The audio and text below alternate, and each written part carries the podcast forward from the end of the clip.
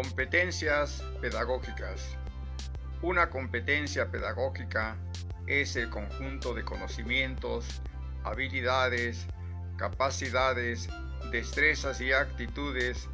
con los que cuenta el docente para poder intervenir de manera adecuada en la formación integral de los estudiantes. Cuando hablamos de las competencias pedagógicas que debe tener un docente para poder hacer un uso correcto de los ambientes virtuales de aprendizaje, nos referimos a la capacidad de desarrollar todo el proceso de enseñanza-aprendizaje en este tipo de entornos,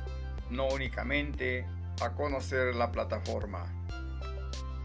Entre las competencias pedagógicas también encontramos la habilidad de dominar y adecuar los contenidos a la plataforma, al número de sesiones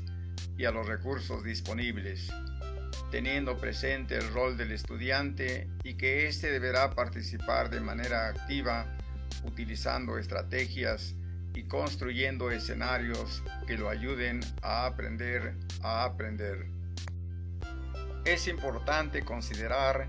que las actividades de tutoría también son competencias pedagógicas, porque es cuando el docente tiene la oportunidad de impulsar al estudiante a construir y reforzar sus aprendizajes, de realimentarlos para que trabajen en sus áreas de oportunidad